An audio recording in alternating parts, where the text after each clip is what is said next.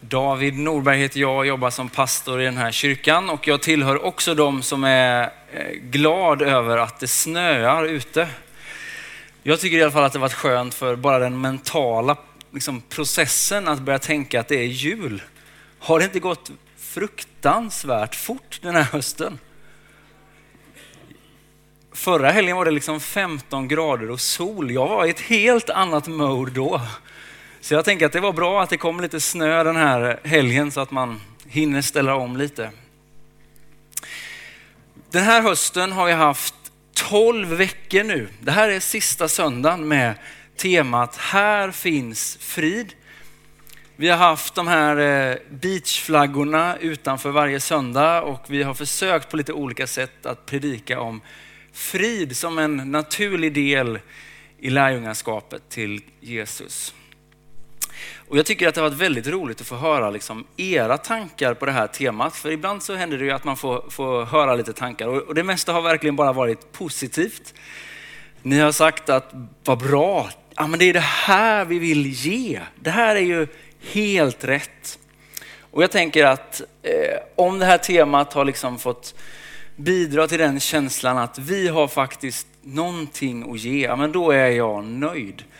För jag tänker att det verkligen är så. Vi har någonting att ge. Alla på något sätt längtar efter mer frid i sina liv. Och vi kan få ge den där friden som övergår allt förstånd. Hörrni, ikväll, jag menar nu så skulle jag vilja säga några sista ord om frid. Och jag skulle vilja tala till dig som funderar på om och hur du skulle kunna få mer frid i ditt liv. Jag ska utgå från ett bibelord ifrån Hebreerbrevet. Så om du har din bibel med dig så kan du få följa med mig till Hebreerbrevets tolfte kapitel, vers 1 till 3. När vi nu är omgivna av en sådan sky av vittnen, låt oss då, även vi, Befria oss från allt som tynger, all synd som ansätter oss och hålla ut i det lopp som ligger framför oss. Låt oss ha blicken fäst vid Jesus, trons upphovsman och fullkomnare. För att vinna den glädje som väntade honom uthärdade han korset utan att bry sig om skammen och sitter nu till höger om Guds tron. Tänk på honom som har uthärdat sådan fiendeskap med syndaren så att ni inte tröttnar och förlorar modet. Hur får man mer frid i sitt liv? Jag tror det är väldigt lätt att vi tittar efter en teknik eller en instruktion eller kanske en app. Hur gör man egentligen för att få ihop livet och få den där friden? Jag skulle säga att den första motfrågan man kanske som kristen ändå skulle ställa är, har du gjort Jesus till din frälsare?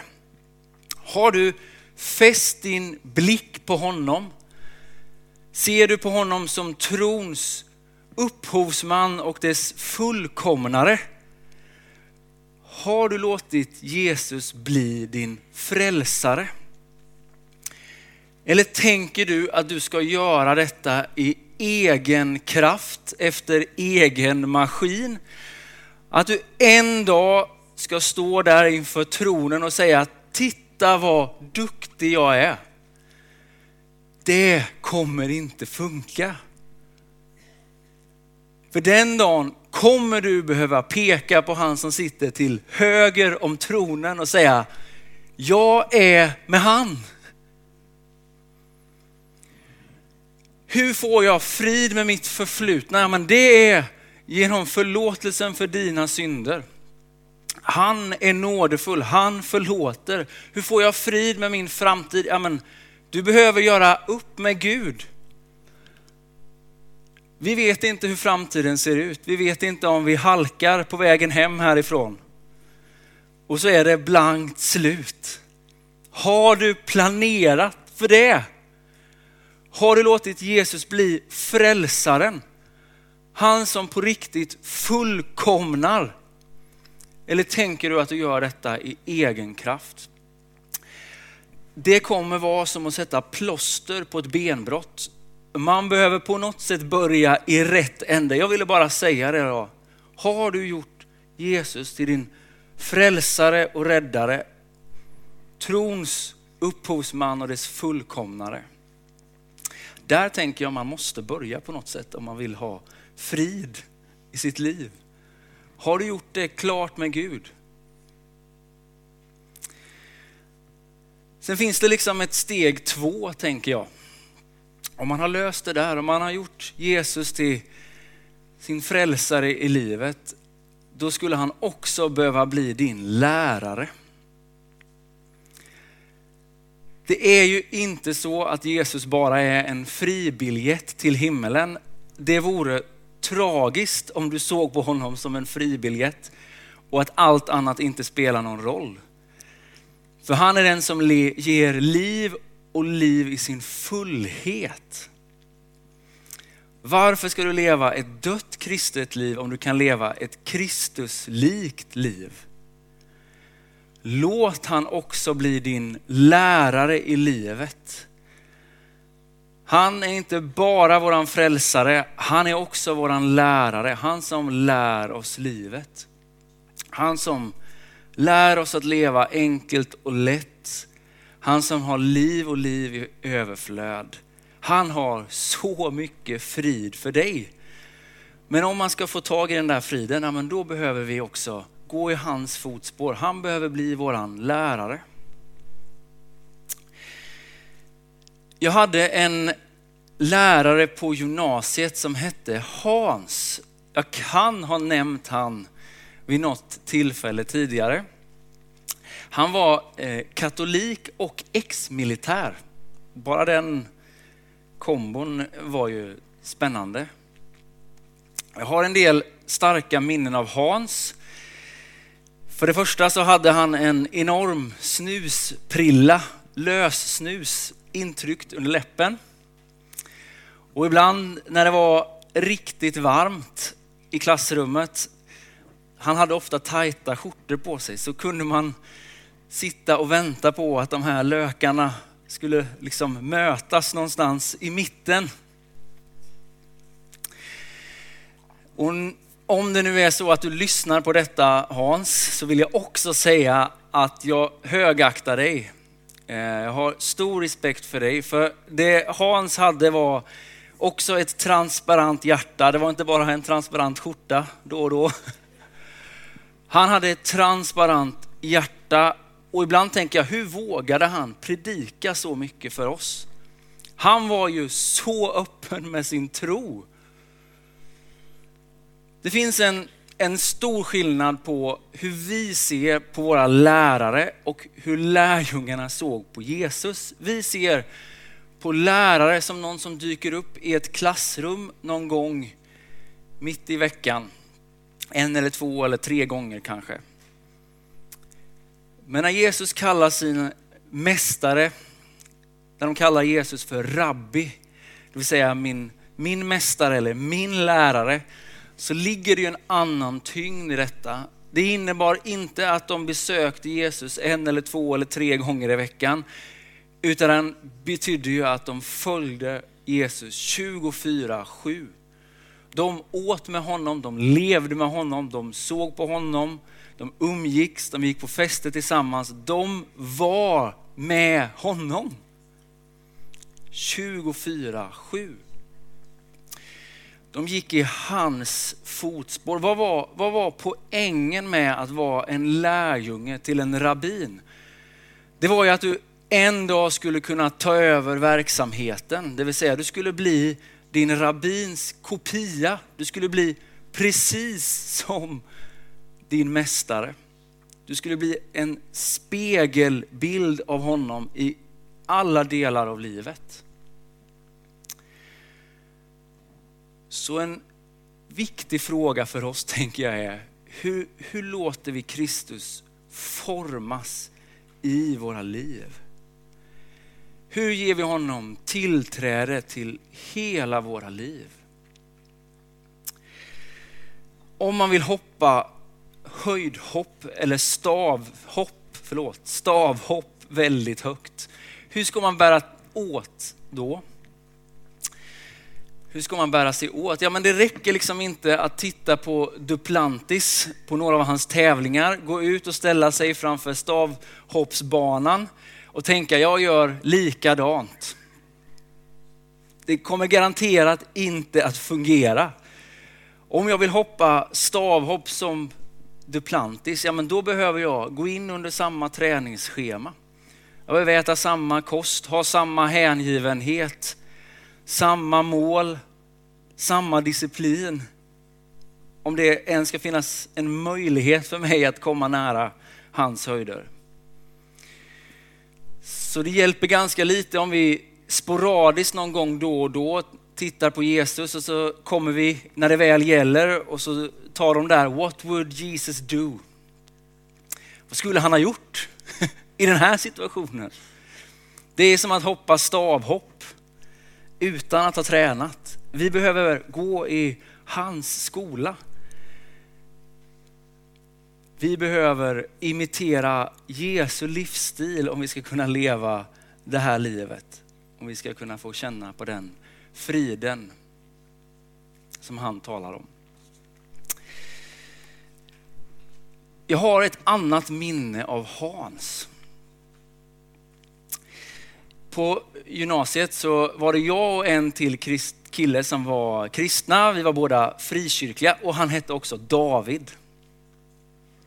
Och jag tror att Hans ibland, liksom, han var ju katolik så han ville liksom in och, och peta lite i våran så här fromma frikyrklighet, eh, tänker jag.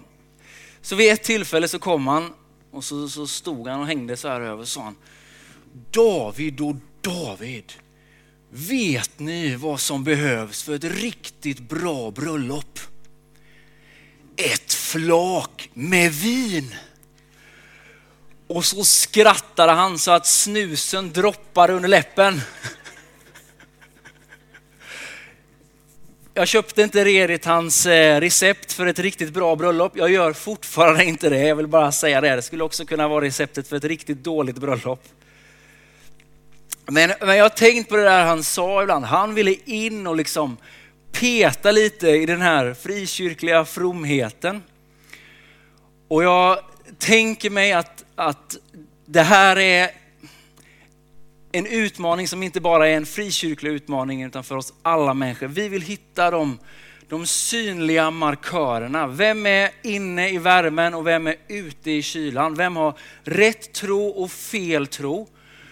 Och absolut att man ibland behöver dra en gräns, det är jag med på. Men låt oss inte glömma den där väsentliga frågan. Har Kristus tagit sin form i våra liv? Har vi bjudit in honom? Har han fått göra ett, en verklig skillnad i våra liv? Jag tycker bara vi ska vara, vi ska vara vaksamma med de yttre markörerna. För det är precis det som fariseerna fastnar vid. Och då kallar Jesus fariseerna för vitkalkade gravar, det vill säga det är fint på utsidan, men på insidan är det dött. Låt oss hålla fast vid den frågan. Har Kristus fått ta form i mitt liv? Har jag gett han det tillträdet? Har jag gått i hans skola? Har jag låtit han förvandla mitt inre? Lever jag nära honom 24-7? Två saker till vill jag säga eh, om det här bibelordet. Det första jag sa var, låt Jesus bli din frälsare. Det andra, låt också Jesus bli din lärare i livet. Och det tredje jag skulle vilja säga är, ge inte upp. Jag skrev min eh, kandidatuppsats på Hebreerbrevet, så jag har läst det ett antal gånger, både framåt och bakåt ibland. Och är det någonting som kommer gång på gång på gång på gång så är det detta, ge inte upp. Låt oss hålla ut i det lopp vi har framför oss. Jag tänker, det där behöver jag, jag behöver påminna mitt hjärta om det där. Jag står inte inför en kort distans. Det är ett maraton vi har framför oss. Och springer man ett maraton så vet man att det är väldigt sällan att någon kommer in och gör segertecknet. Det är inte alla som hoppar över mållinjen och gör en snygg pose för kameran, utan väldigt många trillar över mållinjen. Men det viktiga är att de faktiskt kommer dit. Så låt oss hålla ut. Ge inte upp. Tänker att det finns någon som har kommit hit idag som har tänkt, ja, jag är nära på att ge upp just nu. Jag skulle bara vilja ge dig den uppmuntran. Ge inte upp. Gud har så mycket att ge för dig. Ge inte upp.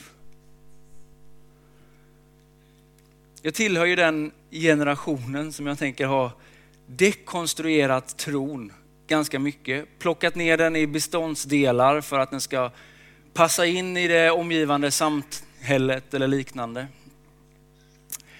Jag tänker att vi är i en tid där det är dags att konstruera tro. Det är dags att bygga uthållighet och trofasthet.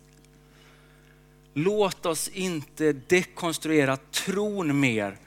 Låt oss bygga uthållighet och trofasthet. Det sista jag vill säga utifrån det här bibelordet är egentligen bara en påminnelse som ni vet om så väl. Fortsätt att uppmuntra andra. Det här bibelordet är en, det är en uppmuntran för mig och det där med uppmuntran kommer också tillbaka på flera ställen i Hebreerbrevet. Hebreerbrevet 3 och 13 säger att så länge man kan säga idag, uppmuntra varandra. Det är så viktigt att vi uppmuntrar varandra. Jag tänker det är en andlig gåva. Jag vet att en del av er har den gåvan med er. Gud välsigne er. Vi behöver uppmuntran på färden så att vi inte tröttnar och tappar modet. Var en uppmuntrare. Vi har ju en två och ett halvt åring där hemma som eh, är ganska trotsig just nu. Ibland är det som att den där viljan sitter som ett järnspett i backen alltså. Helt otroligt. Och när det där händer så, så tittar jag på Sara och säger, det här måste, det måste vara från din släkt detta.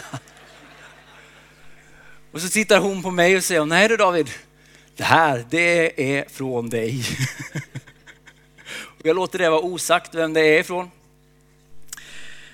Men man inser ju det att ska man komma framåt så är det uppmuntran som gäller. Man kan säga nej, nej, nej, nej tusen gånger om.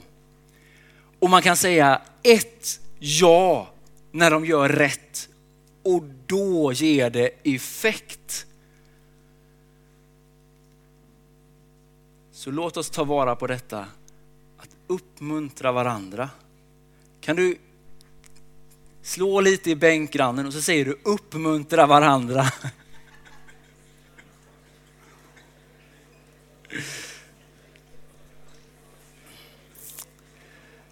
Jag tror att vi så många gånger, vi underskattar eller överskattar vad vi kan vara med och göra på kort tid, men vi underskattar vad vi kan få vara med och göra på lång tid.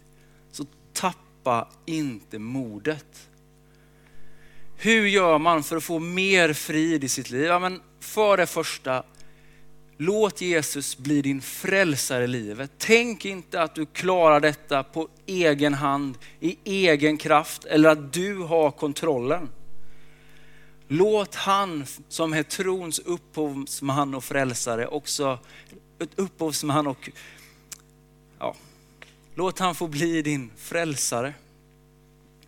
Låt han också få bli din lärare.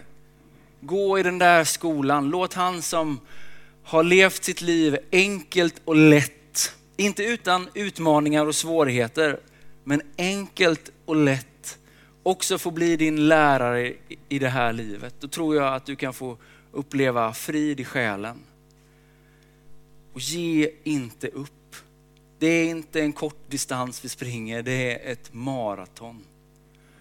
Och se till att du slår din bänkgranne med armbågen ibland och säger bra jobbat, vi är på väg. Låt oss uppmuntra varandra. Nu ska jag be en bön och sen så ska ni få lyssna på en, en sång. Bandet kan göra sig redo. Herre, jag tackar dig att du är trons upphovsman och dess fullkomnare, Herre. Jag tackar dig att vi får kapitulera inför dig, Herre.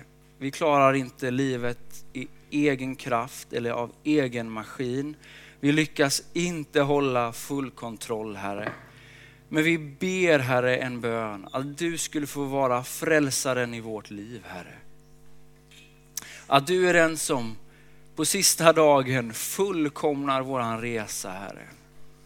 Hjälp oss, Herre, att skifta fokuset från oss själva, Herre. Rikta det mot dig, Herre. Fästa våran blick på dig, Herre.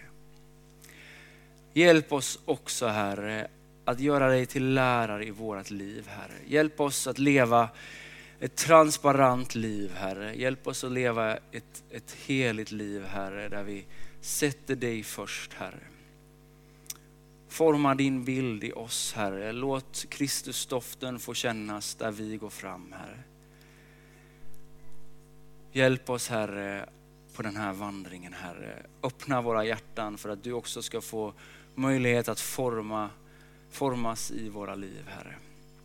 Och påminn oss, Herre, om att inte ge upp, Herre, på den här färden som vi är på, Jesus. Jag ber, Herre, för den som som kom hit idag och funderade på just den tanken att det kanske är dags för mig att ge upp. Jag ber att det här skulle få vara en, en uppmuntran till den personen. Ge inte upp. Ge inte upp. Gud har så mycket gott för dig. Ge inte upp. Herre, jag ber för, för oss som gemenskap, Herre. Jag ber att vi skulle få vara en uppmuntrande gemenskap, Herre.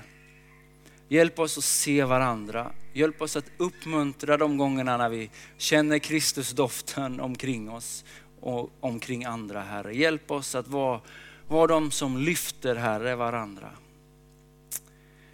I Jesu namn. Amen.